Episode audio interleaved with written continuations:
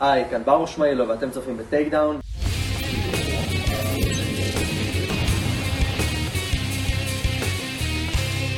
אז ברוכים הבאים ל-Takedown, פודקאסט הרשמי של Fighting IL. מה זה Fighting IL? הבית שלכם לספורט הלחימה בישראל.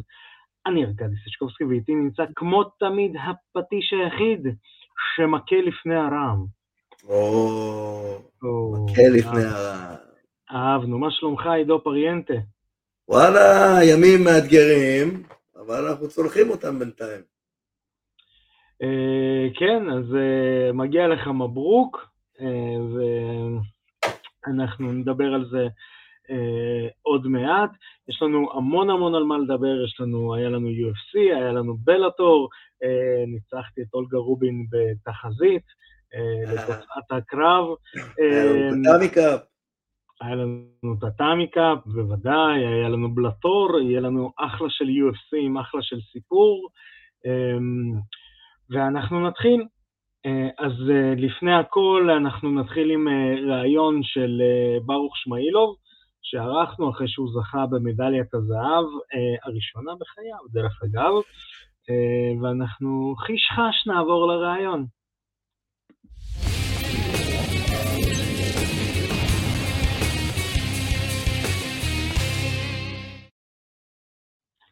אז הנה, באמצעות עריכת לואו בדג'ט שלי, אה, אני כאן עם אה, ברוך שמאילוב, זוכה מדליית הזהב מגרנד סלאם תל אביב, ומדליסט אולימפי, ועוד טייטלים וטייטלים, ויש לך טייטל חדש אצלנו. הטייטל שלך, אתה, אתה הופך להיות אה, יקיר התוכנית. יקיר התוכנית? וואו. יקיר התוכנית, יש לנו כמה יקירי התוכנית, זה כל מי שמתארח מעל uh, פעם אחת. אתה בחברה טובה, אתה עם יואל רזבוזוב, אתה עם טריאל, אתה עם uh, נתן לוי, אתה עם אולגה רובין. מאוד גדול. יש רשימה ארוכה של יקירי התוכנית, זה כמו fame שלנו. יש. אז מה שלומך, ברוך?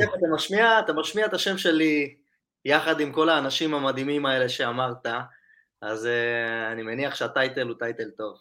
שמח לקבל אותו. טייטל מצוין. Uh, אז מה שלומך קודם כל? אני בסדר גמור. Uh, מתאושש אחרי התחרות, ואין לי יותר מדי זמן להתאושש, כבר ממשיכים הלאה בעצם. זהו, אז בואו נתחיל מזה. אתה חזרת מטוקיו עם מדליית ארד, כחלק מנבחרת ישראל.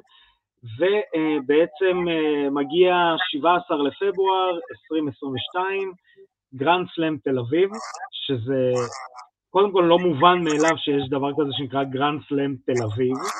נכון. אמ, ואתה זוכה במדליית הזהב. אז ניתן, נתחיל מפרומו. אמ, תחרויות Grand Slam זה בעצם תחרויות של ניקוד לאולימפיאדה, אם אני לא טועה. אתה צודק. זה כמו ה Grand Slam של, אה, של הטניס וכל אלה.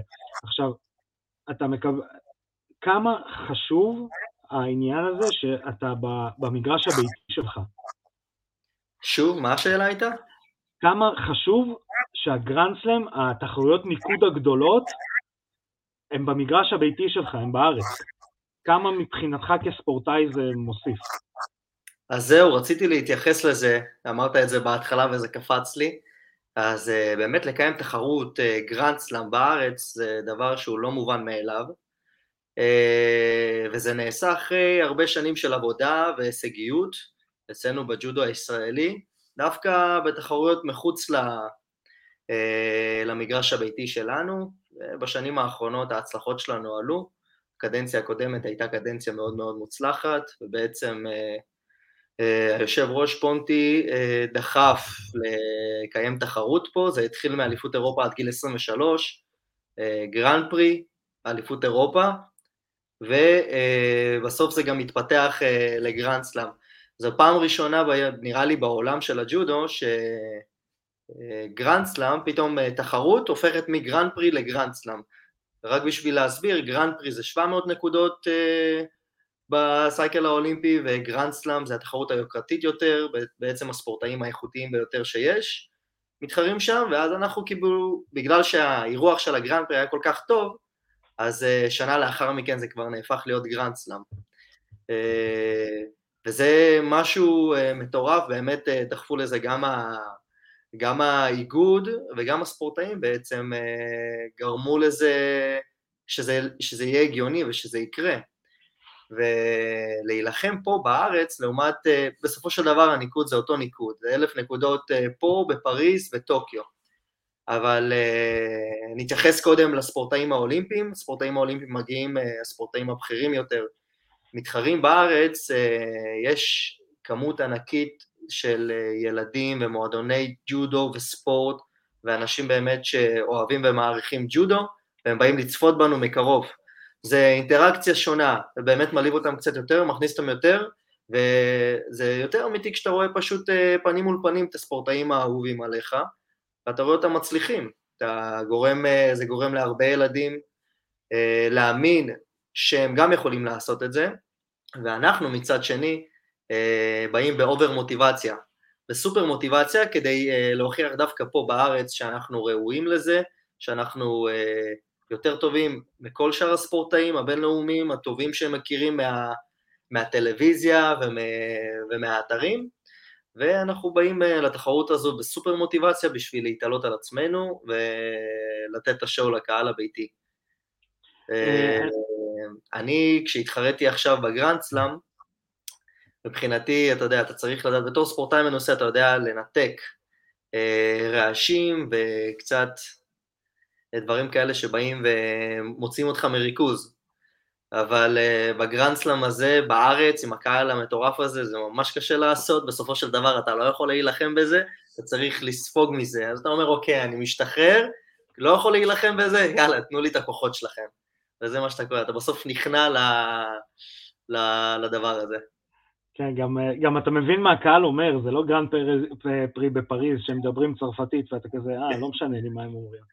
נכון. אה, יש שם אה, כזאת גדולה שאתה שומע רק אה, צעקות כן. ב Grand בפריז. אמ, אני חייב להגיד משהו קצת בנימה האישית. בתור ילד, אז חוג ג'ודו זה היה קצת כזה, ואני זקן, אז אני מרשה לעצמי.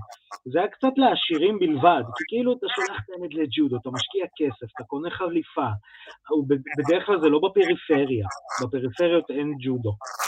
אה, ואתה, ואתה כאילו, אתה אומר, אה, נו, אז נוסעים מהשכונות המבוססות, היום בכל, כמעט בכל פריפריה יש חוג ג'ודו פעיל וברמה טובה.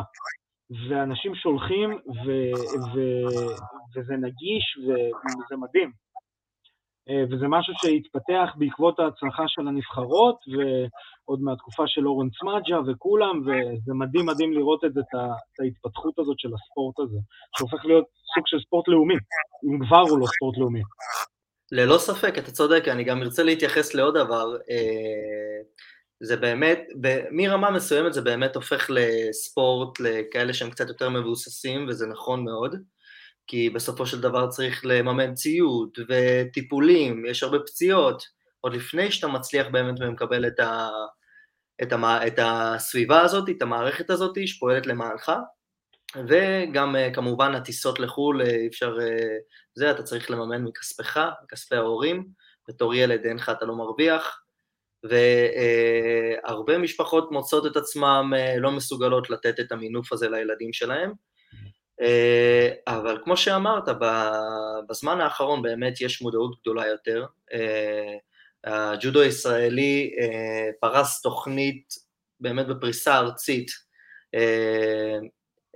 להנחלת הג'ודו, פתחה מועדונים, הרבה הרבה מועדונים היום באמת הם יש להם את האפשרות לבוא להיבחן ולהת, ולהתקדם הלאה. הם uh, מתחילים בשכבה כלשהי, אבל הם תמיד, התוצאות מדברות בפני עצמם. אז אם הם מצליחים בשכבה מסוימת, נותנים להם קרש מקפיצה לשכבה הבאה, וככה לאט לאט. Uh, אני לא חושב שעכשיו, כרגע, זה עדיין uh, במצב מספיק מבוסס, מספיק, מספיק נגיש לכל בית ולכל כיס, אם אתה באמת רוצה לקחת את זה למקום אחר. Yeah. אה, לדוגמה, אני, אני גם לא הגעתי ממקום, אה, עם משפחה מבוססת, אה, התאמנתי בחדרה, במקלט כזה קטן, היה לנו מועדון מאוד מאוד קטן, אבל עם מוטיבציה ענקית. אה, מאמן אה, מאוד מאוד קשוח, ובעצם הגעתי למצב שאני בין 11-12 מצליח ברמה הארצית כבר, זוכר באליפויות ישראל, אבל משם אני צריך לראות איך אני ממנף את זה, כי אני יודע שאם אני אשאר שם אני לא אצליח. ובעצם כשהגעתי לגילאי הקדטים, אני, אני אישית מאוד, אה, מאוד התקשיתי, לא היה לי מאיפה להביא את הכספים האלה, מהמשפחה לא היה לי מאיפה להביא את הכספים האלה, ובסופו של דבר, אתה יודע, אה, כן מצאתי את זה, אה, דווקא מהאנשים הקרובים אליי, מהמועדון האישי שלי שאותו הצגתי, את עוצמה ג'ודוגן פתח תקווה, והם באמת נתנו לי את הקרש מקפצה הזו להצליח ולהתחיל להתחרות בחו"ל. ואז בעצם זה הכל כבר תלוי בך. אבל uh, אני מאמין שהיום יותר, uh, לא אגיד יותר קל, אבל יותר הגיוני להתחיל uh, להצליח ולקבל מימונים מה, מהאיגוד, כי יש כבר תוכנית רחבה יותר גם לשכ, לשכ, לשכבות הנמוכות יותר, uh, להתחיל להתחרות בחו"ל. אם אתה מדורג ראשון, אז אתה מקבל מימון מסוים, שני, שלישי, אז בעצם הם כן נותנים את האופציות ל... לילדים הצעירים אה, לפרוח ולהצליח. ואני מאמין שבעתיד הקרוב אה, הכל אה, הולך לפרוח אפילו הרבה יותר ממה שאנחנו מצליחים כרגע. אנחנו רק מנחילים, נותנים להם את הדרך ה... אתה יודע, אנחנו והרבה טובים לפנינו, שהתחיל מאורן ויעל, המשיך לאריק, ירדן ואורי, ובעצם אנחנו עכשיו זה אנחנו, אחרי המדליה הקבוצתית בטוקיו, ובתקווה גם להרבה מדליות אישיות אה, מפריז. אה, עכשיו אני אשאל אותך, אה, אני, אני אתחיל עם שאלה רכה, אחרי זה נעבור לשאלה לשא, קצת לא פיירית, okay. אבל זרום איתי. אה, okay. נתחיל עם השאלה הרכה. מדליית זהב ראשונה ב Grand Slam תל אביב, קודם כל מדליית זהב ראשונה שלך אישית, ב, אה, נקרא לזה ב Grand Slamים ואולימפיאדה וכאלה, אה, אז איך הייתה התחושה, איך הייתה הדרך? אה, ידעת שזהו, זה או זהב או בינארי, או אפס או אחד. אז זהו, אה, אתה יודע, יש לי מדליות רבות, כאילו, מהסבבים. לעמוד במעמד המדליה זה לא משהו שהוא חדש לי. מ-2014 אלוף אירופה לנוער, ואז אלוף אירופה לגיל 23, מדליסט באליפות עולם לנוער, והתברגתי מאוד מאוד מהר לקבוצת הבוגרים בעצם, עם מדליות ב Grand Prix וב Grand Slamים. אמ, אבל בגילאי הבוגרים באמת, אה, מאז שפרצתי לשם, היה לי קשה אה, לזכות אה, במדליית זהב. וזה תמיד ליווה אותי, אתה יודע, תמיד היה לי קשה שלא לא סיימתי את היום כשאני על ראש הפודיום, ואני מרגיש שניצחתי פשוט את כל השכבה שעומדת מתחתיי. זה, זה תמיד ליווה אותי, אבל אם, אם להסתכל על הקדנציה הקודמת, היו לי הרבה דברים שהייתי צריך לפרוץ, ואולי אה, אולי כן הייתי מסוגל אה, לעמוד אה, מדליית הזהב בתחרויות הקודמות, אבל זה לא הגיע. היו לי התמודדות, התמודדויות אחרות שהייתי צריך לעבור וללמוד מהן ולהצליח, וזה האמת, פחות הטריד אותי. היה לי להתברג הייתי, הייתי מבורג בשלישייה הראשונה בעולם, אה, בשיא. אה, יש לי בקדנציה הקודמת אולי איזה יותר מעשר מדליות ב Grand Prix וב Grand Slam. יש לי שלוש מדליות ב Masters, שזה ה top 16 שמתחרים. top 16 זאת אומרת top 16 שמדורגים אחד אחרי השני, ולא אה, כמו באולימפיאדה למשל, אה, הכי טוב מכל מדינה. זאת אומרת, אתה יכול לקבל ארבע רוסים, ארבע יפנים, ארבע צרפתים במשקל שלך, שזו תחרות סופר קשה, וכן הצלחתי בהם, אבל תמיד הפריע לי שלא היה לי את הזהב הזה ואת ההמנון. וכשהגעתי בעצם לאולימפיאדה, ומבין כל הנבחרת החזקה והמדהימה הזאת, אני הייתי זה ש... אני ושיר הראשוני שהתמודדנו על, על המדליה, על מדליית הארד, ולפספס את זה בככה, אה, באמת אה, היה קשה עבורי, אה, ואז כשזכינו במדליית אה, הארד הקבוצתית, כמובן הקבוצה נתנה הכל, וסיימנו עם תחושה טובה אחרי אה, איזה, איזשהו גורל מר שעבר שם, אני קורא לזה גורל מר, כי מבחינתי זה גם הצלחה וגם אכזבה, אתה מבין? כי הצלחה היא בגלל שאני במעמד הזה, והוכחתי לעצמי שאני מספיק טוב כדי להיות ב top five אה, העולמי. אה, ואכזבה כי לא, לא השלמתי את המשימה עד הסוף. אה, וזה מה שהיה באמת עצוב. פה, פה אני רוצה להכניס את השאלה קצת הלא פיירית אולי. תן לי לסיים, כי אני יודע מה אתה רוצה לשאול, וזה קצת יבלבל לנו את הזה. כן, סגור. אבל אחרי האולימפיאדה, המוטיבציה חזרה לי די מהר, אתה מבין? כאילו ישר רציתי כבר לצאת ולהתחרות. למרות שלקח לי חצי שנה באמת עד התחרות הראשונה, שזה פה בגרנדסלאם, אבל uh, ישר אחרי האולימפיאדה באתי, ניגשתי לאורן ולפוגל, המאמנים, אמרתי להם, תשמעו, uh, לא מסתדר לי, חמישי וזה, לגרד, לגרד, לגרד, אני לא זה, אני מבטיח לכם שאני מבחינתי עושה הכל כדי לעשות את זה מוחלט uh, בקדנציה החדשה לקראת פריז, וזה לעשות את כל מה שעדיין לא עשיתי לפני זה. התחלתי את זה עכשיו עם מדליית זהב, ואני חושב שפשוט אה, לא בדיוק התסכול, אחד זה הלהבין שאתה נמצא שם, שאתה יכול, שזה עניין של, אה, זה ממש גרוש ללירה, וזה שם, והדבר השני זה. זהו, אני לא מוכן אה, להיות יותר אה, כמעט וזה, ולעמוד על הפודיום, אני רוצה להיות מוחלט. וזו החלטה שלקחתי, נכנסתי איתה לקדנציה החדשה ככה, ואני מקווה שזה ימשיך מפה והלאה. עכשיו השאלה הלא פרית. הלא פרית. אז יש את המדליה של הנבחרת באולימפיאדה, וג'ודו בסופו של דבר זה ספורט יחידני. זה ספורט יחידני, זה ברוך שמאילוב, נכון, הוא מייצג את המדינה, אבל זה ברוך שמאילוב, אוקיי? זה לא ברוך שמאילוב שאולי תלוי במישהו אחר, אה, אלא זה ברוך שמאילוב עולה על המזרח.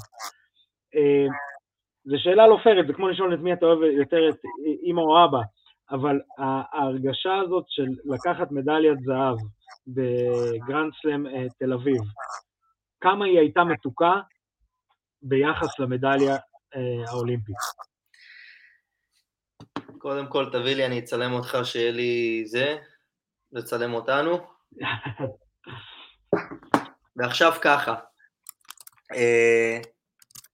אופס, נתקע לי, סורי. אנחנו איתך. אז עכשיו ככה, אה, מדליה, מדליה קבוצתית אולימפית. כשאתה מסתכל מעבר לספורטאי עצמו, אתה מסתכל על מערכת ואיך היא מתנהלת. בסופו של דבר אנחנו מייצגים משהו שהוא הרבה יותר גדול מאיתנו, וזה מדינה. זה קבוצה, וזה לתת אה, משמעות גדולה לבעצם כל מי שחולם יום אחד להיות כמונו, ולרצות להיות כמונו, וזה להיות שגרירים של אה, מדינת ישראל בחו"ל, בעולם הספורט. זה באמת לשמור על פאסון, לשמור על כבוד ובאמת להתברג לגבהים. אז בעצם המדליה האולימפית, הקבוצתית, זה מה שנתן לנו את החותם, שאנחנו אה, אחת ממעצמות הג'ודו הכי אה, נחשבות שיש כרגע בעולם, עמדנו לצד יפן, צרפת וגרמניה, שהן כבר מעצמות כבר מלא שנים, ורוסיה וגיאורגיה וקוריאה, כל הנבחרות החזקות האלה, הם לא היו שם בעצם, עברנו אותם, אז זה מאוד מאוד משמעותי. ומאוד חשוב שעשינו את זה, ובאמת, הייתה שם שמחה מטורפת. אבל אה, בעצם כשאתה ספורטאי אה, בג'ודו, זה ספורט יחידני, אה, מאז שאתה ילד קטן אתה חולם על אה, להיות אלוף, אה, להיות אלוף גדול, להצליח, אתה חושב על עצמך, זה קצת אה, מחשבה מאוד אה, אגואיסטית, אבל זה מה, זה מה שהספורט הזה עושה לך. אתה בעצם תמיד מתרכז בעצמך, אתה צריך לדעת להזיז דברים הצידה, אז בסופו של דבר אתה עושה את עצמך הדבר הכי חשוב שיש אה, בעולם. וכשאתה חולם על מדליה אולימפית כשאתה ילד, אז אתה חושב אה, על מדליה אולימפית עצמית, אתה מבין? זה, ה, זה מה שאתה חושב, אתה חושב איך אני אה, יכול להיות הכי טוב בעולם במה שאני עושה ובאיך שאני עושה את זה. אז אה, אני לא יודע, אני די אה, חצוי פה, מבחינתי, אה, לא יודע. אני לא יודע. כמו הסתכלות אה, על אותו דבר פשוט משני צדדים. מה זה? כמו הסתכלות על אותו דבר משני צדדים פשוט. זה בעצם, כן.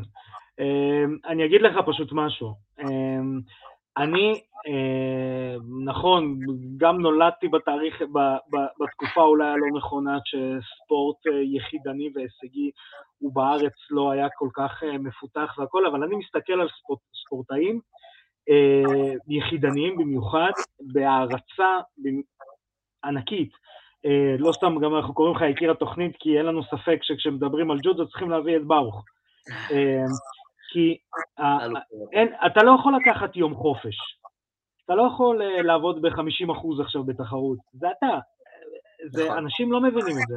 עם כל הכבוד לכדורגל, בכדורגל יכול להיות לך יום רע איזה שבוע, וכזה, אה, השחקנים האחרים ירוצו קצת יותר, אני אלך קצת מאחורה. בג'ודו אין את זה, באגרוף אין את זה, בספורט אחד על אחד אין את זה. אה, וההכנה והדיאטה והכל, וזה אתה. בגלל זה גם אה, לי באופן אישי חשוב להעביר את זה כל פעם בכל תוכנית, אתם לא מבינים כמה האנשים האלה מקריבים מעצמם. זה, זה, זה לא, זה, זה אפילו לא נתפס. אז אה, כן. אולי באמוציות, כשאתה קבוצה ואתה זה, אז הכל מועצם כשכולם שמחים, נכון?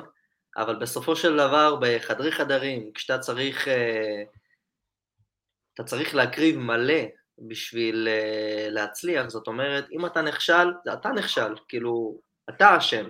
אם אתה לא מוריד את המשקל בזמן, אתה אשם, אתה לא מקצוען. אם אתה אה, שנייה לא מרוכז בקרב, אין לך מישהו אחר להסתמך אה, עליו, חבר נבחרת שעומד לצדך, או לא יודע מה, חלוץ שעומד מקדימה ומקווה שיעשה את העבודה בשבילך. אתה בעצם אה, אה, לבד, אתה מסתמך על עצמך, ואתה יודע שאם אתה תעשה טעות, זה הכל עליך, קודם כל עליך. אני חושב שגם, ב, אתה יודע, בסופו של דבר זו הסתכלות שלי על עצמי, כי אנחנו, אתה יודע, אנחנו מכירים את אותו הדבר, תמיד אה, נלחמנו בספורט שהוא ספורט יחידני, אנחנו מול אה, יריב, זה קומבט, זה אחד נגד השני, זה לא להיות יותר טוב ממנו כשאנחנו אה, רצים אחד ליד השני, זה להיות יותר טוב ממנו כשאתה מביס אותו, כשאתה מנצח אותו. כן. אה, אז גם הוא מתמודד עם דברים כאלה, וגם אתה מתמודד עם דברים כאלה, ויש שם פשוט כל כך הרבה דברים שאתה, בסוף, אתה, אתה יודע, יוצא לי לדבר עם אנשים, אומרים לי, אה, יש לי הרצאה, אז uh, בניתי את ההרצאה ודיברתי עם הבחורה שעזרה לי uh, לבנות אותה, היא אמרה לי, uh, אתה בן 27, איך כאילו צברת כל כך הרבה ידע, ידע על עצמך ו, ו, ובכלל על העולם עצמו, כאילו, מאיפה אתה מסתכל על הדברים האלה? אני אמרתי לה, את יודעת מה, יש לך הרבה הרבה זמן לחשוב כשאתה, כשאתה, כשאתה מתחרה בספורט יחידני ואתה באמת צריך להיות אנוכי ולהתמקד בעצמך. אתה כן. מבקר כל תנועה לא נכונה שלך, כל תנועה נכונה שלך. אה, כשאתה טוב, כשאתה לא טוב, כשאתה חזק, כשאתה לא, כשאתה רזה, כשאתה שמן, הכל. ובסופו של דבר, הכל כדי להיות הגרסה הכי טובה שאתה יכול להיות של עצמך. וזה מה שאנחנו עושים בספורט יחידני, ואתה יודע מה? אם אה, בסופו של דבר אה, ספורט קבוצתי ידעו לעשות את זה, כל אחד ולעצמו, ולדעת להסתמך על עצמו וכדי להיות יותר טוב, לא בעצם לשחק לבד. אז uh, יהיה לנו קבוצות מטורפות. מדהים. הלוואי שזה יתחיל מהארץ. Um, אני אשאל אותך שאלה ששאלנו אותה בערך, אבל uh, אנחנו נשאל תמיד כדי להשאיר את האש חיה. Um, אנחנו רואים את המגמה הזו דווקא בהאבקות, כי האבקות זה ספורט uh, חובבני סלאש אולימפי, אולימפי, uh, כאילו לא סלאש, חובבני אולימפי uh, עד לאולימפיאדה, ובעצם ברגע שאתה מפסיק להתחרות באולימפיאדה, אתה צריך למצוא מה יהיה המקצוע שלך, ממה תרוויח כסף. והרבה מאוד מתאבקים בשנים האחרונות בעצם פונים באמת ל-MMA. כמה, גם לך, לך אני יודע שזה עבר לפעמים בראש, למרות שזה עדיין מוקדם לדבר, אתה עוד צעיר, אה, אבל כמה בשיח, בחדרי הלבשה, במחנות אימונים, אנשים מהג'ודו אומרים לעצמם, אוקיי, אני אסיים את הקריירה האולימפית שלי, אני אדע שאוקיי, זה, כי אולימפיאדה יש כל ארבע שנים, אז יש לך ארבע אולימפיאדות, אה, אם אתה קרלין אז אתה גם פורש באולימפיאדה, אבל uh, יש לך כמה אולימפיאדות, כמה לאנשים עובר בראש, אוקיי, אני אעשה MMA אחרי זה, זה אחלה פלטפורמה כדי לעבור למקצועני. אמ, זו שאלה, זו שאלה שאלה. אה, אני חושב שלכל ספורטאי, אה, כל, לכל ספורטאי עוברת אה, המחשבה הזאת בראש. זה מתחיל מהגילאים הצעירים, מאם להיות עם חברים או לא להיות עם חברים, ואז זה מגיע הצבא, האם להתגייס לצבא, לתת איזה שירות משמעותי או לא, להמשיך בג'ודו, ואז בסופו של דבר כשאתה ממשיך, אתה בסופו של דבר מגיע למצב שאתה צריך להרוויח כסף, אתה צריך uh, להתפרנס, אתה, אתה צריך, uh, אתה חושב על, על העתיד שלך, אבל uh, כשאתה מנסה להיות ספורטאי אולימפי ובאמת אחד הטובים uh, שיש בעולם, אתה, אתה לוקח את ה... אתה הולך all in בסופו של דבר. אתה הולך all in ואתה אומר, אני לא יודע אם אני אצליח, אני לא יודע אם ההקרבה הזאת בסוף uh, תשתלם לי. אבל uh, אנחנו חייבים uh, לנסות בשביל הסיכוי של uh, להגשים את החלום שלנו, של uh, כן להיות מסוגלים. Uh, ובסופו של דבר אתה יכול או להבין שהחלום uh, לא יתגשם, אתה צריך, אתה יודע, אתה צריך... לחשב מסלול מחדש כזה.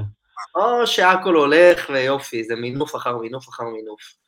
אבל אה, גם אה, בתור אה, ספורטאי שמצליח וכן מתפרנס מהג'ודו, יש לי ספונסרים, אגב, הספונסרים שלי זה אסיה, חברת נדל"ן ופרופיט שירותים פיננסיים, נותנים לי את הגב ואת התמיכה, כמובן גם המועדון, עוצמה ג'ודו כאן פתח תקווה, בעצם נותנים לי את התמיכה ונותנים לי את השקט הכלכלי הזה להיות המפלצת הזאת על המזרון בעצם, נותנים לי כך, כאילו, תתמקד במה שאתה צריך להתמקד ותיתן את הכל, אבל בסופו של דבר, כמו שאתה אומר, הכל אה, ייגמר, אתה תסיים את הקריירה הספורטיבית שלך, ואני אגיד לך מה, זה משהו שמטריד אותי אה, לעיתים, אה, לעיתים יחסית קרובות, אני באמת חושב על זה, כאילו מה בסופו של דבר אני אעשה, אוקיי, אז אני אהיה, לא יודע מה, ילך למייה, ילך לנדל, ילך להשקעות, אני לא יודע למה.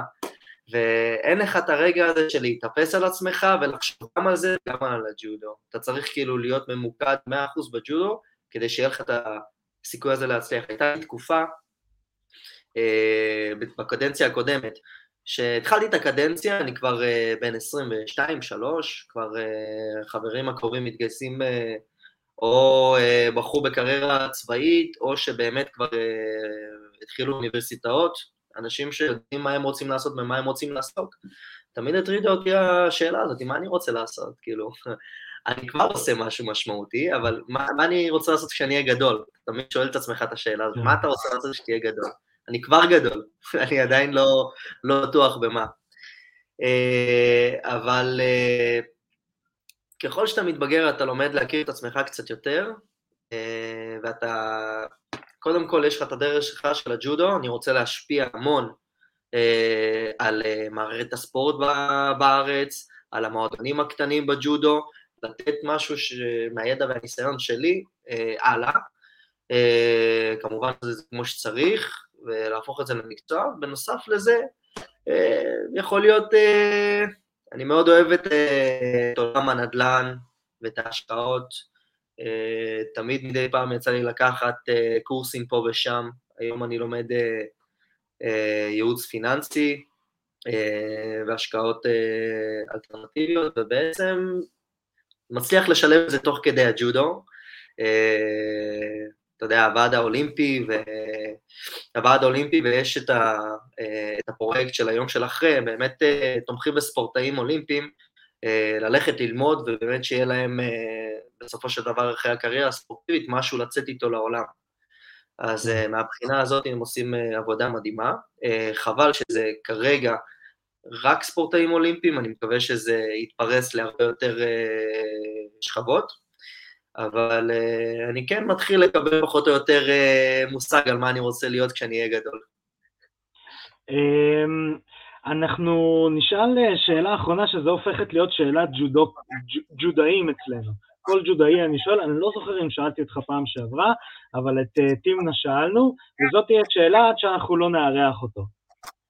כמה פיטר פלצ'יק חיה מאחד עד הולק? כמה מה? פיטר פלצ'יק חיה מאחד עד הולק. מאחד עד? הולק, הענק הירוק. אה, The Hulk, The Hulk. אני יכול בבריטי, אבל אנחנו, הקהל שלנו לא, לא כולו דובר אנגלית. The Incredible Hulk. כן. כמה הוא חיה. כן. מ-0 עד הולק, מ-1 עד הולק, טנוס. טנוס? או-אה. אז אנחנו נשמע את התשובה מפיטר כשאנחנו נצליח לארח אותו. אני חושב שהוא יענה על זה אותו דבר. הוא אחלה בן אדם, באמת לוחם גדול, עזוב את כל היכולות ג'ודו והכל, בסופו של דבר, מה שאני מעריך אצלו ואני חושב שיש גם אצלי, זו הלחימה, אתה בשום שלב של הקרב אתה לא מפסיק להילחם, אתה מרגיש שהיריב מתעלה עליך וזה, אתה פשוט, אין, אין מצב, אתה לא נותן לעצמך לרדת מוסד מהקרב, ואם אתה יורד מוסד מהקרב אז אתה פצוץ גמור.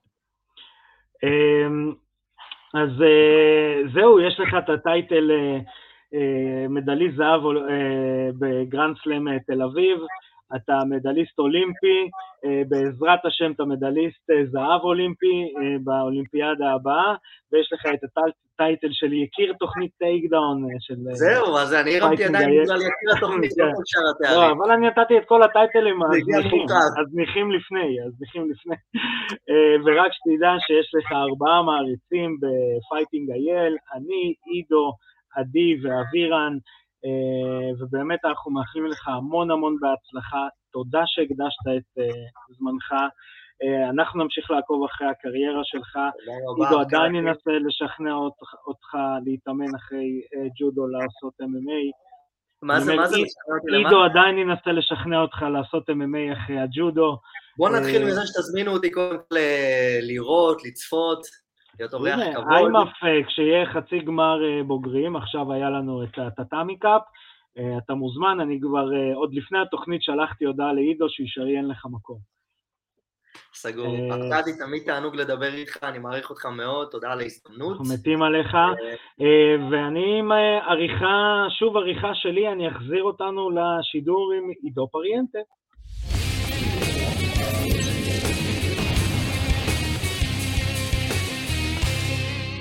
והנה באמצעות עריכה מדהימה שלי, חזרנו מראיון ורצינו להגיד תודה רבה לברוך שמאילוב שערך איתנו את הרעיון הזה. שהופך להיות יקיר התוכנית בזמן האחרון. הוא יקיר התוכנית.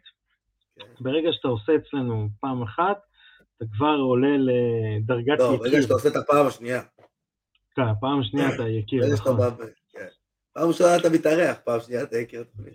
יקיר התוכנית, זהו. אז ברוך רשמית יקיר התוכנית. וכן, נתחיל עם אירוע UFC שהיה לנו, היה לנו אירוע UFC Fight Night, מחצ'ב נגד גרין, בובי גרין מגיע באמת אחרי הייפ מטורף של, של ניצחונות, ואומרים, הוא, הוא זה שיעצור את, את מחצ'ב, הוא מנצח את נסרת ב decision, לפני זה מנצח את אל איאקווינטה. יש לו קצת בעיה עם כל האזורים האלה, רפאל פיזייב הוא מפסיד לו, ואז הוא פוגש את איסלאם מחצ'ב, ואתה יודע, אין לי, אין, לי, אין לי הרבה מה להגיד. איסלאם מחצ'ב עשה את מה שאיסלאם מחצ'ב יודע לעשות. הוא חיבב אותו. כן, אתה יודע, יש הרבה השוואות בין מחצ'ב לחביב, מן הסתם חביב הוא המאמן שלו. אני חושב שמחצ'ב, אני לא אגיד יותר טוב, אני חושב שמחצ'ב הרבה יותר ורסטילי ממנו. כמות הנזק שמחצ'ב עושה ברגע שהוא מצמיד אותך לכלוב, ברגע שהוא הולך ל takedown, הוא, הוא, הוא חביב עם killer instinct. אתה מבין למה אני מתכוון? תשמע, אני לא חושב שלחביב אין killer instinct, אני חושב שפשוט מחצ'ב הרבה יותר טוב מחביב במה שחביב עושה. סליחה, let me rephrase that. כן. סליחה. מחצ'ב עושה יותר נזק מחביב במה שחביב עושה. זה קצת יותר מדויק. זה קצת יותר מדויק. כי אני לא יכול באמת להגיד שהוא מוריד לקרקע יותר טוב, שולט יותר טוב, או כל הדברים האלה. חביב מביא איתו איזושהי אינטנסיביות שלא ראינו אצל הרבה אנשים. עכשיו כן, מחצ'ב מאוד מאוד מזכיר ומאוד מאוד דומה ומאוד מאוד הולך בעקבות. אני לא יכול להגיד שהוא יותר טוב בשטח הזה, אבל כן ב ground and pound הוא יותר אפקטיבי. אה, גם בעמידה היה את הרגעים שהוא הצמיד את אה, גרין לכלוב ואתה רואה שהוא מנסה לייצר נזק, הוא מנסה לתת מכות, הוא, הוא, הוא, הוא לא סטטי. חביב כן. לפעמים היה מאוד סטטי, ראש נכון. לצד, על החזה, ומנסה לעבוד. אה, מחצ'ב הוא הרבה הרבה הרבה הרבה יותר פעיל ותזוזתי. כן. אני רוצה שנעבור קצת על הרנקינגס. אה, נכון, אה, נכון לרגע התוכנית אנחנו מצלמים ביום שני, ב-28 לפברואר, גילוי נאות, אז אני לא יודע עד כמה הרייטינגים אה, מעודכנים להיום, אבל נכון לכרגע, מחצ'ב מדורג רביעי, מעליו נמצאים בניל דריוש, פוריה, גייג'י, אוליברה. מתחתיו מייקל צ'נדלר, שבעצם מגיע אחרי הפסד לגייג'י, אה, ודוסניוס אה, שהולך להילחם באירוע הקרוב. אז אה, השאלה שלי אליך, עידו פריאנטה, זה מה עושים עם החדשת. תשמע, אני חושב שהוא דיבר על זה ברעיון, והוא אמר בעצמו, עזוב, עזבו, הקרב הבא שלי זה הקרב על הטייטל. אז אתה נותן לו את המנצח של אה, אה, גייג'י אוליברה? ברור, ללא ספק. ללא ספק. הוא גם מדבר נכון, הוא מציג את הדברים, הוא מתראיין, הוא משמיע קול, הוא מתחיל להיות דמות, אתה יודע, הוא כאילו הנק... היורש של חביב. זה מאוד מאוד מעניין גם מנקודת מבט של show business, זה מאוד מאוד מעניין לראות את ה... לפי דעתי, בכל אופן בעיניי, כאילו, כאילו לפי דעתי, זה מאוד מאוד מעניין לראות אותו, בוא נראה אותך משתלט על הדיוויזיה כמו שחביב עשה. לא, תראה, הוא מגיע אחרי עשרה ניצחונות, זה ה win streak שלו, אמ, מה שכן, אני אשחק רגע את אה, מה שנקרא פרקליטו של השטן. דריוש מגיע אחרי ניצחון על טוני פרגוסון, עם שבעה ניצחונות רצופים. והוא מדורג מעליו. טוני פרגיסון בירידה, אחי. כן, השאלה לא אם ניצחון על בובי גרין הוא יותר... אה, זה כבר לא רלוונטי. זה כבר לא רלוונטי אם הוא ניצח את בובי גרין והוא ניצח את, אה, את, אה, טוני פרגיסון. טוני פרגיסון זה כבר לא טוני פרגיסון שהיה לפני שנה וחצי, שנתיים. לא, זה ברור. מישהו אחר כבר הפסיד, ההייפ שלו כבר הלך. כן. אני לא רואה, אה, אתה יודע מה אני אגיד לך? תיתן את הקרב למחצ'ב, הבא בתור, והמנצ... ו... אבל תשאיר את אה, בניל דריוש אה, על הקווים, מה שנקרא כל הזמן הזה? לא, לא, בניל דריוש, אתה יכול לתת לו עוד קרב שהוא יכול לנצח אותו. הוא לא יפסיד איזה קרב. תיתן לו אוקיי. קרב של מישהו שמדורג מתחתיו, רק בשביל להשאיר אותו חד. ותבטיח להוא, אם אתה תנצח את דריוש, אתה תהיה על התואר נגד הבא בתור. כן. מבין? אה, שאגב, שאם מישהו שמדורג מתחת לדריוש ינצח את דריוש, מגיע לו. כן. אבל דריוש נמצא עכשיו באיזשהו פיק. אה, כן, כן, אני מסכים. תראה, אני גם חושב שבסופו של דבר אה, מחצ'ב צריך לקבל את הקרב. צריך לקבל קרב אליפות. אגב, אגב, מחצ'ב דריוש. קרב פגז. קרב מעניין. אחלה של קרב. כן, אגב, יכול להיות קרב מאוד משעמם גם. נכון, כן. מאוד טקטי, מאוד. למרות לא שה take אתה יודע, אה, מ wrestler ל wrestler, אני לא אתן כן. לך להתבטאות ואתה לא תיתן לי להתבטאות. זהו, גם... זה משעממים. לדריוש יש קטע מגניב, שה wrestling שלו הוא יותר אנטי רסלינג. נכון. הוא משאיר כמו, הרבה הרבה את הקרב בעמידה. כמו uh, צ'אק לידל. נכון. רק שדריוש גם באמת טוב על הקרקע גם. כן, כן. הוא עושה את הטייק דאונים, נהיה סקרמבל, והוא עושה את מה שהוא עושה. זהו, אז uh, אני... Uh, אני לא זוכר אם אני ראיתי אי פעם את uh, בניל דריוש על הגב. אתה מבין שזה כבר, כאילו, כאילו זה, זה, זה כבר איזשהו משהו. Uh, uh, וכן, אני יודע שהרבה, uh, שיש לו ניצחונות גם בנוקאוט, ב-TKO. אגב, זה משהו שהוא לא כל כך טוב. מה, שלא רואים אותו על הגב? נכון, כי אז באיזה שלב אתה כן תראה אותו על הגב. מול מח"ט של כנראה שכן. כן, אה, למרות ש... וזה בדיוק, אני אתן לך עכשיו קוריוז, קרב אליפות UFC heavyweight, רנדי קטור נגד קווין רנדלמן, איפשהו ב-UFC 30 ומשהו. אוקיי. עכשיו, מה היה בקרב הזה?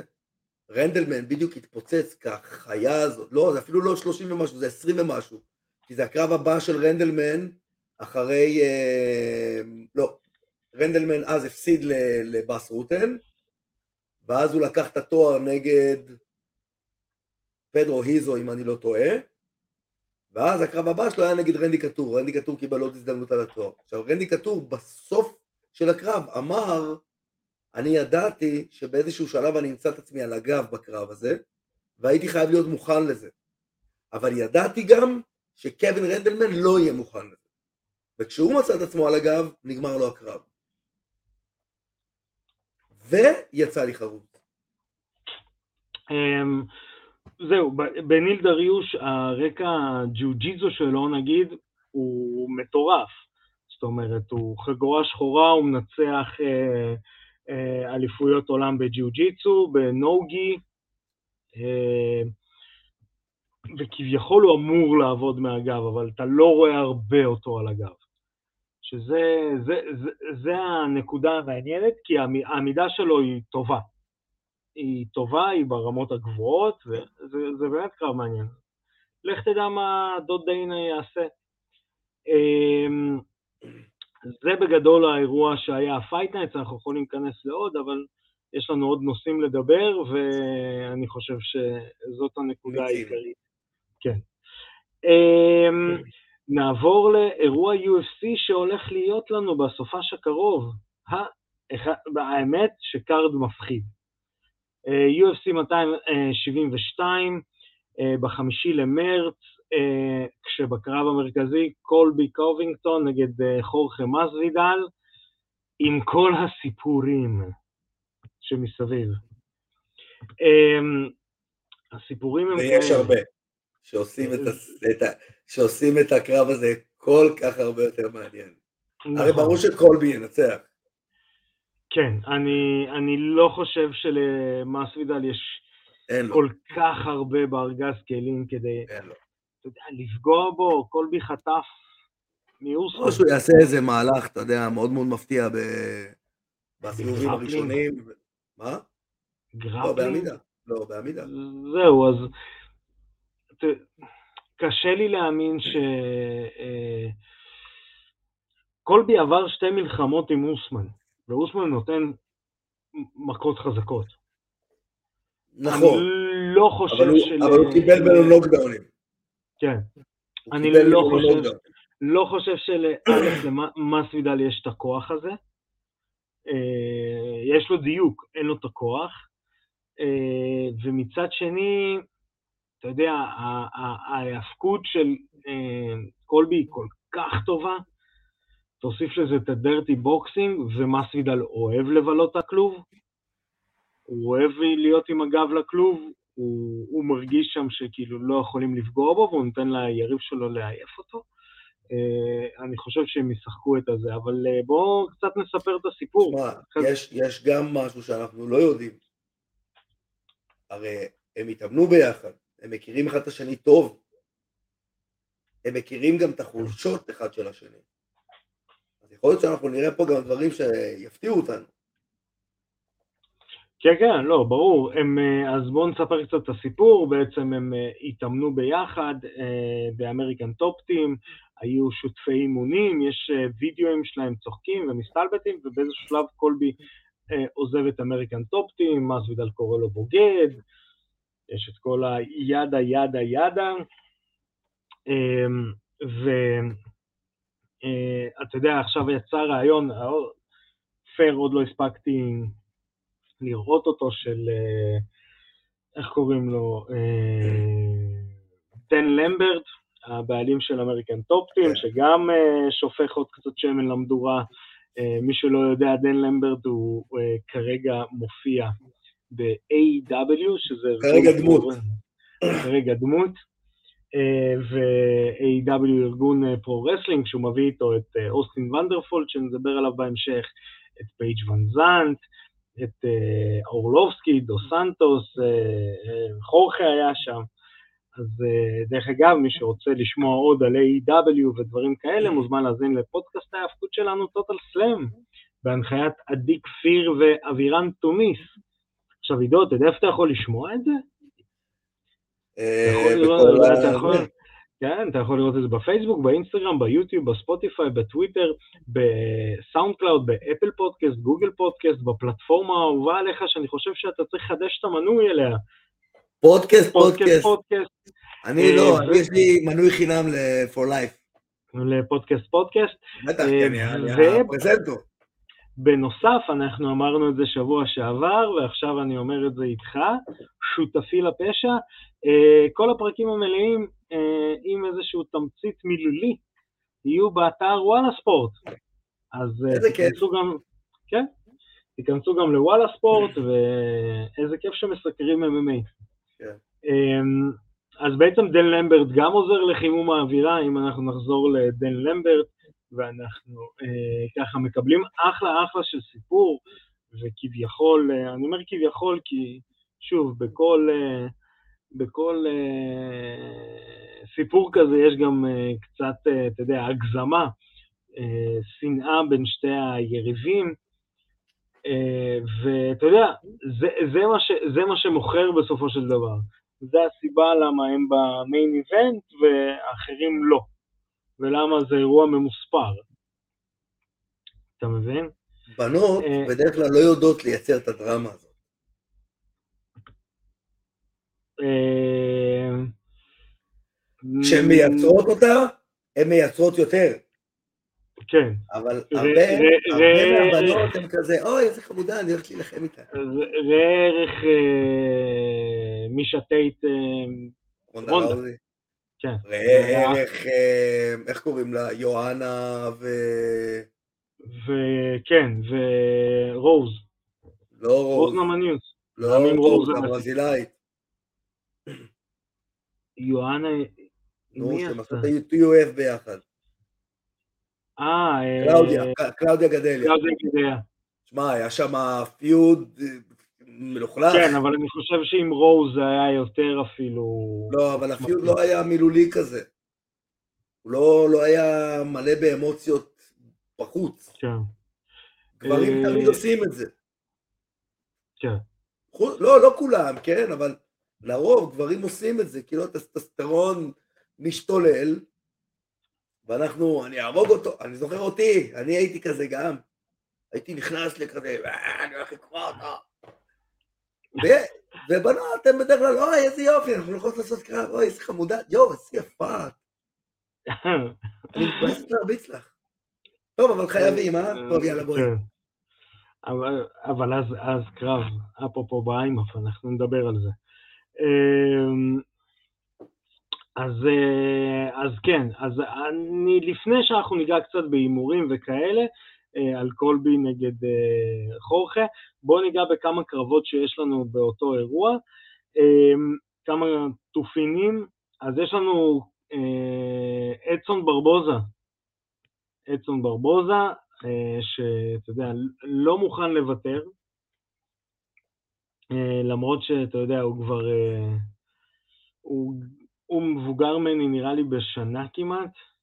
הקרב האחרון שלו הוא מפסיד לגיגה צ'יקדזה אה, בסיבוב שלישי, אה, ושוב, הוא מפסיד ל, ללוחמים, בואו נקרא לזה ככה, ה-names, אוקיי? Okay, הוא, הוא, הוא, הוא בסוף כבר, הוא בסוף.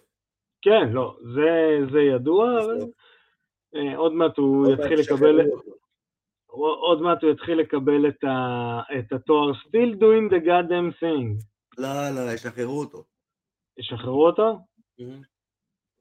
לא, הם לא, זה, הוא לא מספיק, הוא לא מספיק צבעוני כדי שישאירו אותו בתור גייטקיפר. כן. ואפרופו, אפרופו הקרב שנקבע לסרוני. נגד מי זה היה? אה, גייטקיפר נגד גייטקיפר. כן, אה, נגד לוזון. אה, לא, אבל לוזון כבר עתיק. לא, כי סרוני, מה זה ב... לא, אבל סרוני בשלהי. לא, אבל סרוני still doing the goddamn thing.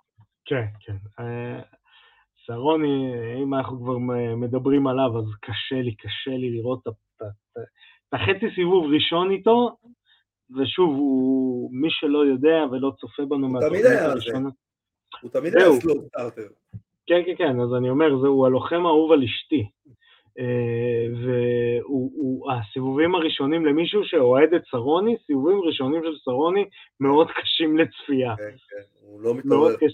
כן, הוא לא, הוא לא מתעורר. אמ, אז יש לנו את ה-co-main event of the evening, RDA, נקרא לו RDA, רפאל דוסניוס נגד רפאל, אה, סליחה, סליחה, סליחה, בוא נעשה, בוא נעשה הימורים מהירים. דבר. הקרב שפותח, ואני עכשיו אסביר למה זה הימורים מהירים, הקרב שפותח את ה main card זה סרגי ספיבק נגד גרג הרדי. מי אתה רוצה שינצח? קודם כל סרגי ספיבק, למרות שאני לא יודע מי הוא. בדיוק, זה היה ההימורים המהירים שלנו, אנחנו שונאים את גרג הרדי, רק רציתי להזכיר את זה. יש כתם קקה בתחתון, אה, אז הוא הקקה שעשה את הכתם בתחתון. לדעתי אם הוא מפסיד הוא הולך הביתה. מגרג הרדי? כן. לא, מה פתאום, הוא צבעוני. ישאירו אותו, בשביל השנניגנס. אחי, כיף לראות מישהו מרביץ לו. ישאירו אותו. נכון. בטח, זה אחי, נכון, אבל... כן, אבל הוא מגיע אחרי שני הפסדים, שני הפסדים קשים. לא רלוונטי, אחי, לא רלוונטי. אני, אם הייתי דיינה ווייט, הייתי משאיר אותו. במיוחד כי זה heavy weights ואין הרבה heavy weights. כן. ואם הוא מספק את הסחורה בקטע של ה entertainment, אז למה לא? אתה שם אותו ב main event, רואים אותו מפסיד, יודעים שהוא הרביץ לאשתו, מה יותר טוב מזה? יסחטו את הלימון עוד קצת. עד שזה כבר לא יהיה רלוונטי, אתה מבין? משהו כזה. אה, אז אנחנו נתחיל באמת עם ה-co-main event, RDA נגד רפאל פיזייב. אה, נתחיל עם ה-Still doing the goddamn thing, אה, RDA, בן 37, אלוף לשעבר. קרב האחרון מנצח בהחלטה חצויה את פול פלדר, ולפני זה מפסיד לקייסה, לליאון אדוורדס, מנצח את קווין לי, מפסיד לאוסמן, מפסיד לקולבי. אתה יודע, הוא גם כבר בשלהי, מאז, ה, נקרא לזה ככה, הניסיון שלו לעשות קרב עם חביב, קרב חוזר, מחצ'ב uh, בתמונה וכאלה. שמע, זה נראה כאילו כבר אין בטריה, אין בטריה בעסק. ברור. Uh, מולו לוחם אה, צעיר יחסית, יחסית אליו אני מתכוון, בן 28, אה, באמת אחד ה... נקרא לזה ככה, הכישרונות העולים אה, במחלקה הקלה, רפאל פיזייב מקירגיסטן, מדורג 11 ב-UFC, רוכב על רצף של חמישה ניצחונות, אה, כשאת הראשון הוא מפסיד, אה, את הקרב הראשון שלו ב-UFC, הוא מפסיד ב spinning back kick, אה, אחרי זה הוא מנצח, הוא מנצח, מהשמות הגדולים הוא מנצח את בובי גרין, זה שמפסיד למחאצ'ב, הוא לוקח מתוך השישה קרבות שלו, הוא לוקח ארבעה Fight of the Night ו-Performance of the Night. בקרב האחרון שלו הוא נצח ב spinning wheel kick, אה, בקרב בדצמבר נגד ברד רידל, אה, ובעצם הוא, הוא אמור להיות אה, עוד איזשהו כוכב שנבנה, וכשתיגמר הסאגה אוליברה, גייג'י, אה, פרגסונים יפרשו כן. וכל מיני כאלה, הוא אמור להיות הבא בתור. אה, עידו פריאנטה, ההימורים שלך. לא השארת לי ברירה. לא, לך תדע עם הניסיון. מכרת אותו טוב, תשמע. מכרתי אותו טוב, בגלל שהוא קירגיזי. מכרת אותו אה, טוב. אה, אז כן, אז גם אני הולך עם פיזייב, ואני חושב שזה קרב יותר מדי קשה, ולדעתי דו סנטוס פורס, דוס אנג'וס פורס, פורש בסוף הקרב. מודיע על פרישה. אמ, כן, אני חושב ש... גם אם הוא לא יודיע על פרישה, אני חושב שה-UFC יחתכו אותו. כן, גם אני חושב, אני חושב ש... יכול להיות שה-UFC יחתכו אותו והוא הולך להילחם בבנאטור או ב-PFL.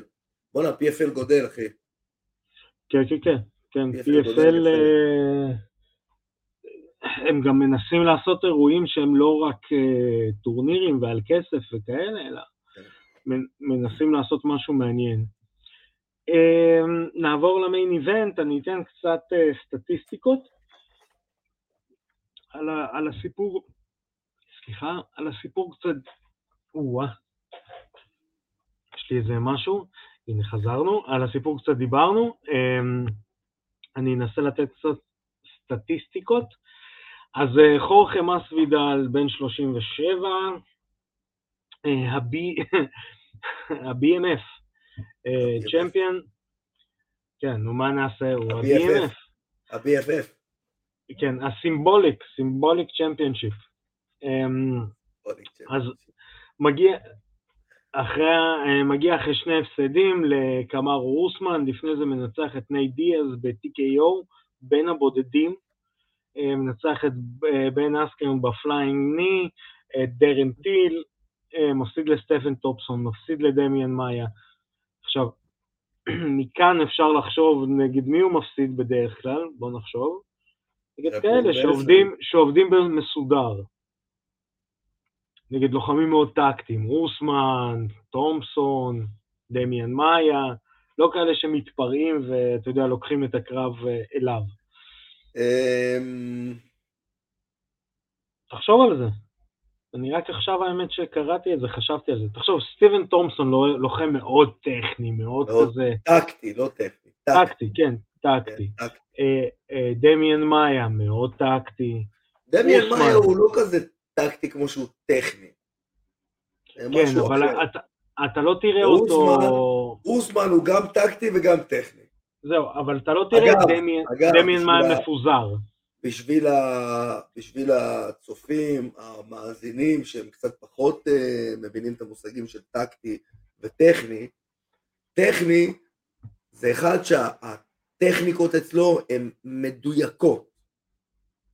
אוקיי? הוא עושה את הדברים בצורה מאוד מאוד מדויקת, הוא מביא אותך כן. למקום שהוא צריך, מאוד מדויק.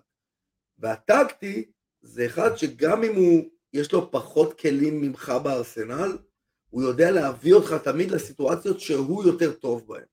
הוא יודע, הוא יודע לבצע את ה game plan שלו יותר טוב.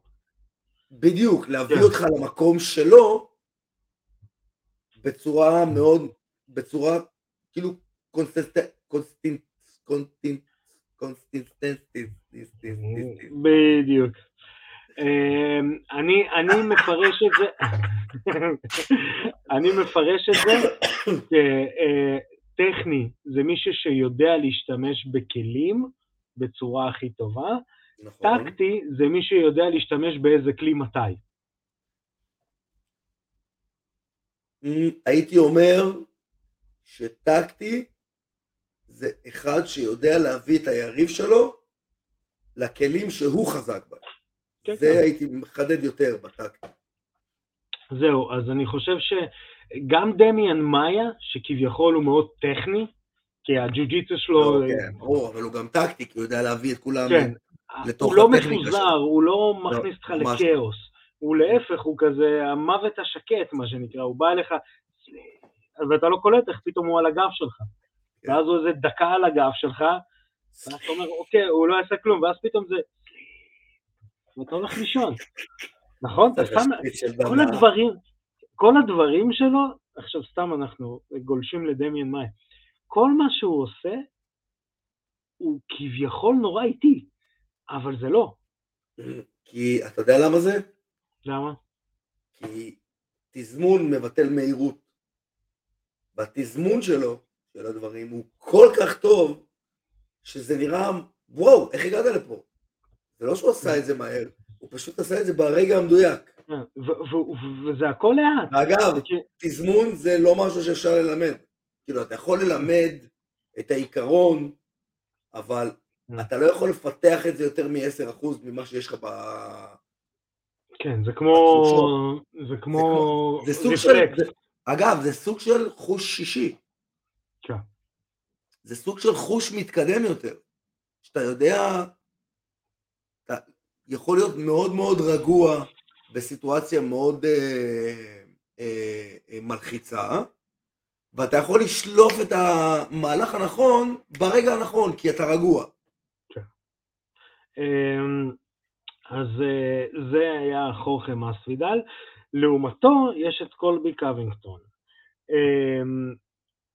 שוב, כמה, כמה נתונים טכניים, קולבי בן 34, NCAA, אה, בהאבקות, זה אומר שהוא מתאבק מאוד טוב, אמ, זכה באליפות, באליפות עולם אה, ב...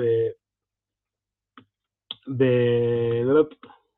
בג'יוג'יצו אפילו נראה, בגרפלינג, כן, זכה באליפות עולם בגרפלינג. אה, באיזה ארגון? הוא זכה ב World Championships בלונדון. של מה? של איזה ארגון? בפילה. אה, פילה, אוקיי, בסדר. פילה זה אה, גרפלינג, מי שלא יודע, פילה זה הגרפלינג שהוא תחת ההיאבקות. להיאבקות יש יווני רומי, חופשי, ויש להם עכשיו גם גרפלינג, יש להם עוד כל מיני. יש להם היאבקות חופים, אני חושב שסומו גם עכשיו תחתם, אבל עכשיו גם הגרפלינג תחתם, ויש להם אליפויות עולם. כן, אני מכיר מישהו... ואגב, בן אסקרן גם אה, אלוף עולם בגרפלינג. אה, האמת, אני מכיר מישהו שמנסה להביא האבקות חופים לארץ. וואלה. כן, כי הוא אומר, יש לנו חופים, יש לנו מתאבקים, בואו נעשה האבקות חופים. בואנה, תחבר אותו אליי, אולי נחבר את זה לתוך האיגוד. אפשר לשאול, אפשר לבדוק. אפשר לבדוק, אני אנסה. אמ, אז אה, קולבי קווינגטון, חזרנו אליו, אמ, אלוף לשעבר, אמ, לקחו לו אחרי זה את החגורה, הוא לא, הוא לא באמת הפסיד אותה. מגיע אחרי הפסד לקמארו אוסמן בהחלטה, לפני זה מנצח את איירון וודלי, מפסיד לאוסמן, מנצח את רובי לולרד, RDA, דמיאן מאיה, בריין ברברינה. אתה יודע, מנצח, והוא... אם אני אצטרך להגיד איזה סגנון אני חושב שיש לו, הוא כמו טנק קטן. הוא לא גדול מדי, הוא לא גבוה מדי, אה, אבל הוא כמו... הוא הולך קדימה, ולך תעצור אותו. יש לו את אחד הסגנונות הכי בעייתיים ב-MMA, מתאגרף מתאבק. כן. והוא טוב בשניהם. הוא מתאגרף טוב, והוא מתאבק מצוין. הוא מתאגרף טוב. והוא יודע גם מתי להפעיל את ההאבקות שלו. נכון. אני אתן דוגמה פחות טובה, שוב, זה לא מוריד קמצוץ מכמה הוא לוחם טוב, הוא פשוט, לדעתי, גרסה פחות טובה של קולבי. אם הוא היה יותר קולבי, הוא היה כנראה גם אה, אלוף גדול. איך קוראים לו? אה, וואו, למה אני בבלקאוט? אה, פרנקי אדגר. נכון. פרנקי אדגר מתאבק. קולבי יותר טוב ממנו. וקולבי יותר טוב ממנו כי קולבי יודע מתי להפעיל את ההאבקות. אני חושב שקולבי אדגר... גם מתאגרף יותר טוב ממנו. אני נאלץ טיפה לחלוק עליך, כי באיזשהו שלב אדגר התאהב באגרוף. איך קוראים לו לא אימן אותו? איך קוראים לו אימן אותו? ההוא עם הפרקינסון, אה, המאמן. אה, המפורסם הזה עם המשקפיים. כן, כן, כן, הוא אימן את אה, פרנקי אדגר באגרוף. פרנקי אדגר באיזשהו שלב התאהב באגרוף, והוא אמר, אוקיי, אני רק את הגרף בכלוב, והוא שכח הרבה פעמים את, את, אתה יודע, את מה שהוא למד בילדות. זה בעיה. כן, כן, ואני חושב שקולבי הוא, הוא כאילו הגרסה המושלמת של מתאבק מתאגרף. כי אוסמן הוא גם מתאבק מתאגרף, אבל אוסמן הוא עושה אגרוף מאוד בסיסי ברמת קיקבוקסר. הוא לא עושה את זה ברמת, אתה יודע, פרנקי אדגר היה מתאגרף, אפילו היה לו את העמידה.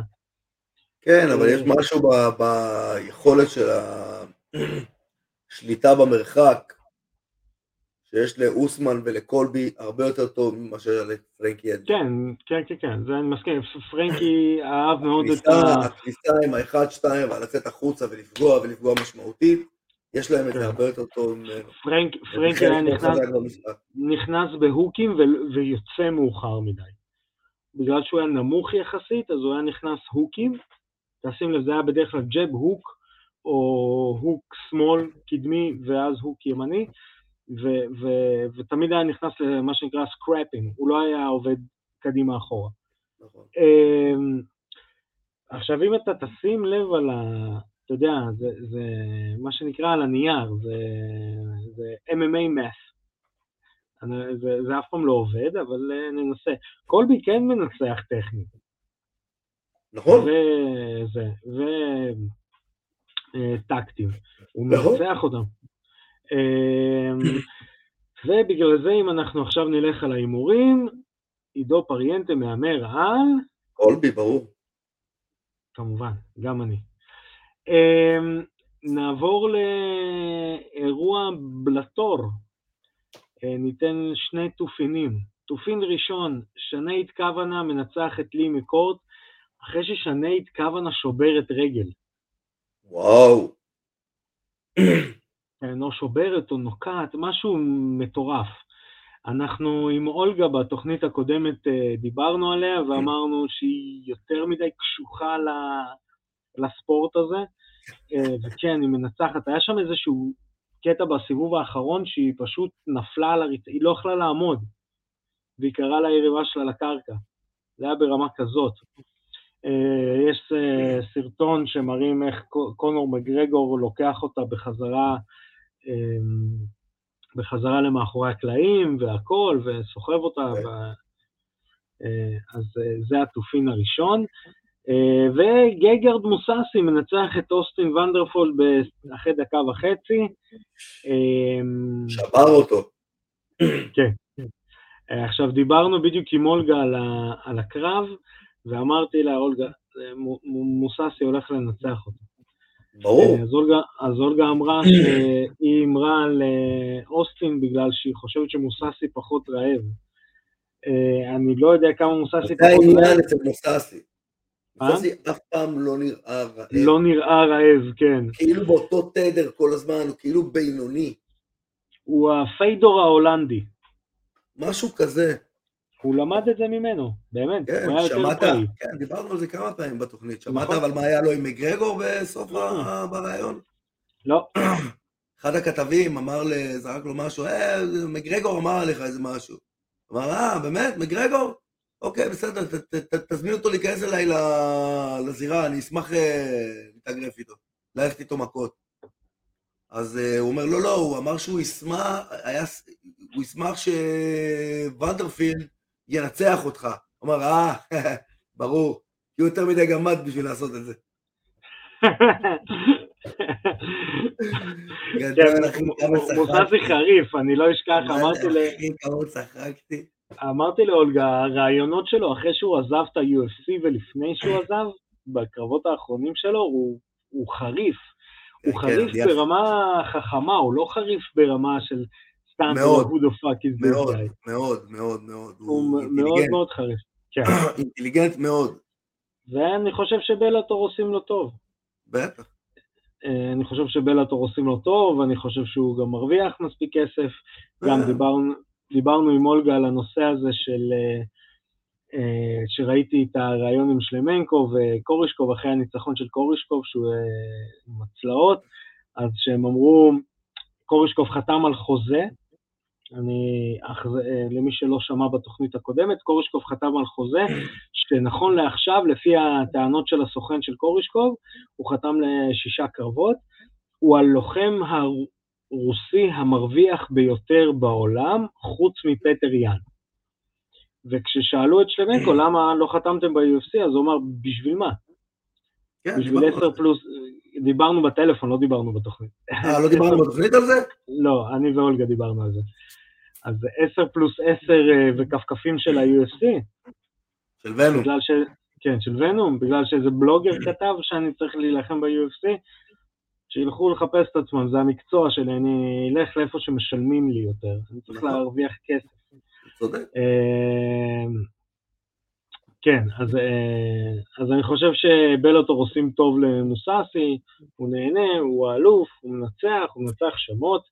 ונדרפולד, אה, כמו שאמרנו, היה ב-AEW, אז, אה, אז, אז כבר הוא מוכר, ומוססי נתן לו בראש. נעבור לעוד אירוע שהיה בסופש האחרון. בישראל. אני עשיתי מילואים. אני עשיתי מילואים, סתם. אתה עשית מילואים, נכון? עשית מילואים, אחי. עשיתי מילואים. אה, אבל לא, ביום שישי היה טאטאמי קאפ של אה, ארגון, האיגוד ה-MMA הישראלי. בעצם אני אתן את הרקע או שאתה רוצה לתת את הרקע? יאללה, אני אעביר את הכובע למנכ"ל האיגוד. המנכ"ל האיגוד עידו פריאנטה. עזוב, קודם כל בוא שנייה אחת תוריד את הכובע של המנכ"ל האיגוד. איזה כיף היה. היה פשוט כיף. היה כיף, כיף, כיף. חוויה. כל האירוע הזה היה כיף, הוא גם זרם טוב, כאילו, לא היה תקיעה בזמן, והיה פשוט קרבות שנהנית לראות כל הזמן. חוויה, חוויה. קרבות, היה 240 240 ספורטאים, כמובן מגיל שמונה ועד בוגרים. התחלנו עם בוגרים בהתחלה, מכמה סיבות, גם כדי לתת להם לשחרר את הלחץ וללכת הביתה. סיבה, סיבה שנייה זה השופטים, שיהיו כמה שיותר ערניים בקרבות של מי שהולך לנבחרת ומי שלא. כן. זה המחשבה. אני, אני אגיד משהו, אה, לחזק קצת את מה שאמרת. בהפס... באחת ההפסקות יצא, יצא לי לשבת עם שני מאמנים בחוץ. אמרתי להם, חבר'ה, תחשבו רגע על זה. אם לפני שלוש שנים מישהו היה אומר לכם אירוע קרבות עם 240 לוחמים מישראל, הם, הם שניהם הסתכלו, הם אמרו לי, היינו, היינו צוחקים לך בפנים. מטורף. היינו צוחקים לך בפנים. מטורף, אחי, זה מטורף. יותר מזה, היה בנות. היה, אם אני לא טועה, עשר בנות בטוח היה. בערך 12. כן, מטורף. בערך 12 בנות אם אני לא טועה. והיו עוד כמה בנות שנרשמו, ופשוט לא היה אף אחד בקטגוריה שלהם. כן, אה, אירוע מטורף, באמת. אה, כן. אה, היו שם כוכבים, כאילו אני מדבר כוכבים, לאו דווקא אולי מישהו מכיר אותם בשמות, אבל טכנית. אבל גם וואו. היו כוכבים שלנו. נכון. מה, יבגני, שהוא מקום שלישי בעולם, ו... נכון. וכבר עוד כל מיני, משה אלדי, ואלן סורמון, וסער גפלה, כל אלה שהתקבלו לנבחרת בשנה שעברה, וכולם יודעים כבר את השמות שלהם, כולם כבר מכירים את הלוחמים האלה. ופתאום כן. הם, הם מופיעים באירוע הזה, אתה יודע, זה כזה נתן, ברמה המקומית, כן, ברמה הישראלית, זה נתן איזה נפח, בואנה, תשמע, קודם כל יבגני היה נראה שלוש רמות מעל כל מי שהיה שם בתחרות. נכון. יבגני שינקרבסקי, שלקח מקום שלישי ב- ב- ב- בעולם. כאילו אתה רואה לוחם שאחרי אליפות עולם, וואו, מה זה עשה לו, כמה ניסיון הוא צבר. כן. איזה רוגע הוא עולה לקרב. הוא כאילו כל כך מנוסה, בואנה, הוא נסע לאליפות עולם, עושה שלושה קרבות בינלאומיים בתחרות אחת. אתה קולט? כן, כן, כן. אתה מבין איזה ניסיון זה? פתאום הוא חוזר אני... בארץ בטאטאמיקה, אומר, טוב, מי זה הילדים האלה שאני צריך להרביץ להם? כן. Uh, אני, אני אגיד uh, כמה חוויות שלי היו. אז אחד, אני חושב שהניסיון של מאמנים להיות אנשי פינה לא פחות חשוב uh, מהניסיון של הלוחם להילחם. ואני אסביר. אה, יש הבדל ענק בין לדעת לתת הוראות בזמן לבין לדעת לתת הוראות, אה, אתה יודע, במכון, ברגוע, ברגוע שלך. אני אתן איזה חוויה שהייתה, ואני חושב שאותו מאמן, לא חשוב שמות, גם השתפר לפעם הבאה, כי אני ראיתי מאמנים שהשתפרו מתחרויות קודמות. חניך של איזה מאמן, החניך היה על המזרון עם הגב, והיריב שלו היה עליו במאונט, אז החניך של המאמן תפס גיליוטינה, אבל כשהיריב שלו במאונט עליו, והמאמן צועק לו, חזק יותר. ואתה יודע, אתה בתור שופט, אתה מסתכל ואתה אומר, כן, הוא הולך לשרוף את הידיים שלו עכשיו. אה, ובאמת הוא שרף את הידיים, וזה שבמאונט ניצח בריר נייקט אה, מאוד אה, בקלות, אחרי ששרף את הידיים, אבל אני אומר, פעם הבאה אותו מאמן יישב ויראה ויבין וילמד. ברור. מה היה נכון, מה היה לא נכון. הדברים האלה כל כך חשובים שהמאמנים מביאים כל הזמן את, התחרות, את החבר'ה שלהם לתחרויות, ובמיוחד בתחרות כזאת, שזה לא קרב אל מול קהל, שזה קרב אחד. קרב אחד אל מול הקהל, והספורטאי שלך מפסיד, אנשים, כולנו, כולנו כמאמנים וכולנו כספורטאים לוקחים את זה לאגו. כן. אבל כשאתה מפסיד בתחרות כזאת, או שחניך שלך מפסיד בתחרות כזאת, זה פחות בולט לעיני הקהל, כי יש שלוש זירות במקביל, וכל הזמן קרבות מתחלפים, ו...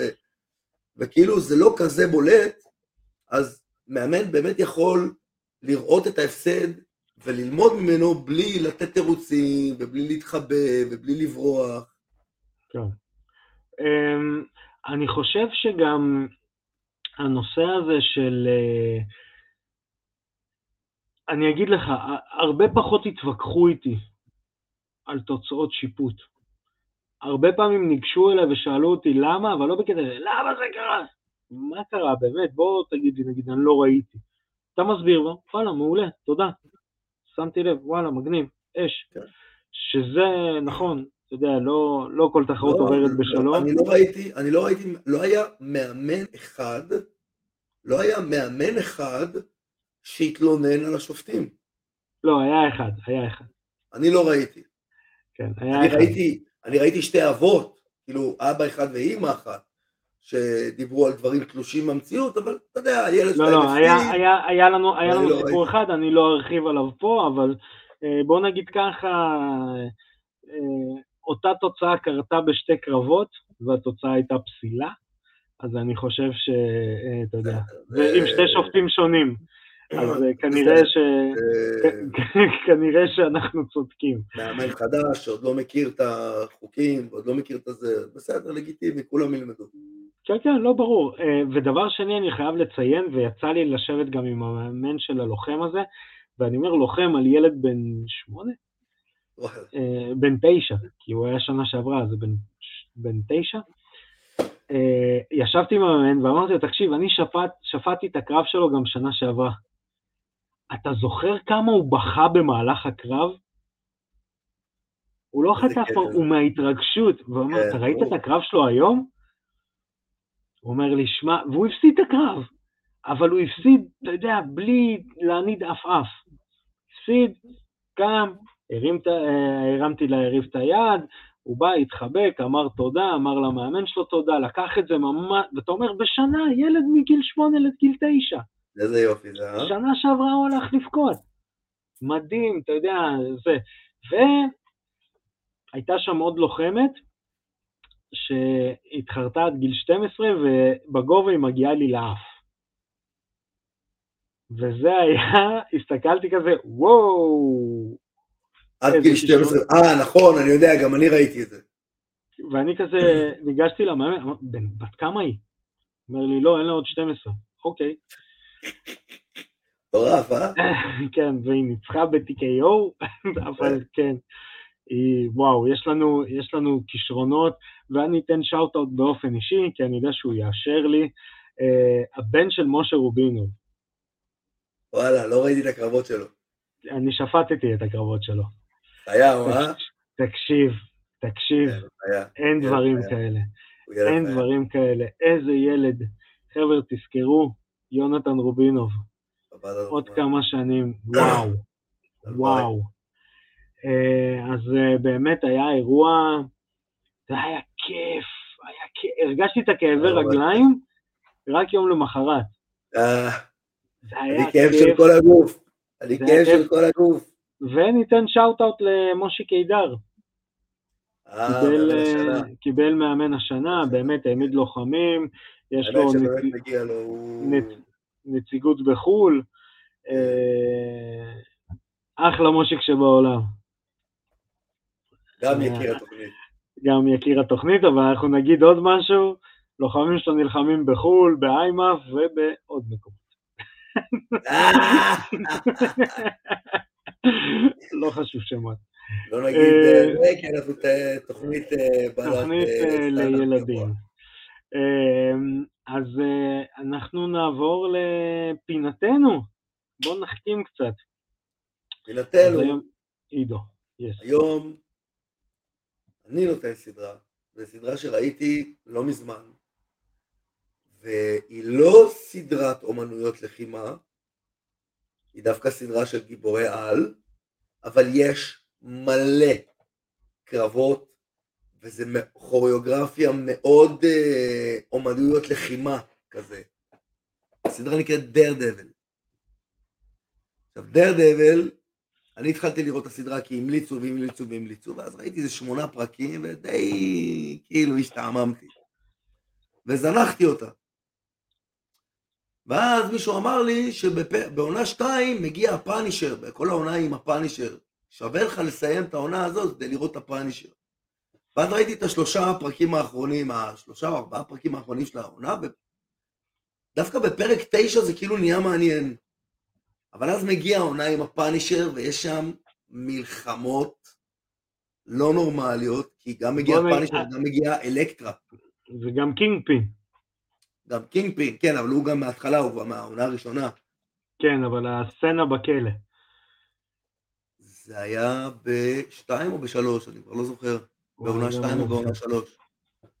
אבל כן, יש שם ממש סצנות של אומנויות לחימה מדהימות, רואים שהשחקן ממש התאמן, והוא כן. משחק אותה, לא, לא אגיד אה, סטייל, אה, לא אגיד סטייל, אה, נו, ג'ון וויק, אבל לא ממש רחוק מזה. כן. אני אתן תופין. יש לי חבר מאוד, אה, מאוד זקן ולא קוראים לו עידו פריאנט. והוא לא, הלך זה, עם... זה ה... חבר מאוד זקן, אני חבר הכי זקן. הכי זקן. אז הוא הלך עם החניכים לראות את ספיידרמן האחרון. והוא ישן במשך שעתיים וחצי.